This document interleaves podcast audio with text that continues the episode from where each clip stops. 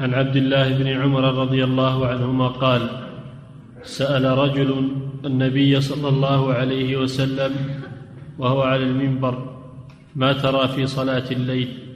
قال مثنى مثنى فإذا خشي أحدكم الصبح صلى واحدة فأوترت له ما صلى وأنه كان يقول اجعلوا آخر صلاتكم بالليل وترا. نعم. هذا الحديث فيه أن صلاة الليل مثنى مثنى يعني يسلم من كل ركعتين ويوتر بواحدة يوتر بواحدة يصلي ما شاء ركعتين ركعتين ركعتين يقلل أو يكثر لكن في النهاية يصلي ركعة واحدة توتر له ما صلى وأن الأفضل أن يصلي صلاة الليل وأن يصليها مثنى مثنى يعني ركعتين ركعتين يسلم من كل ركعتين.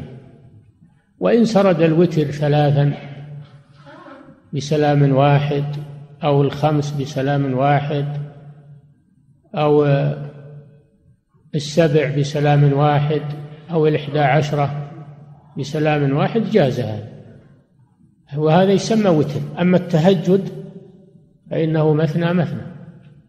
تهجد من الليل مثنى مثنى.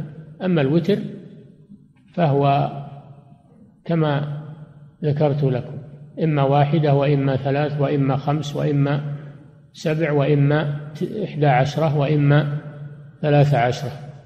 وكونه يسلم من كل ركعتين أفضل ويوتر بواحدة هذا أفضل لأنه أكثر في العمل.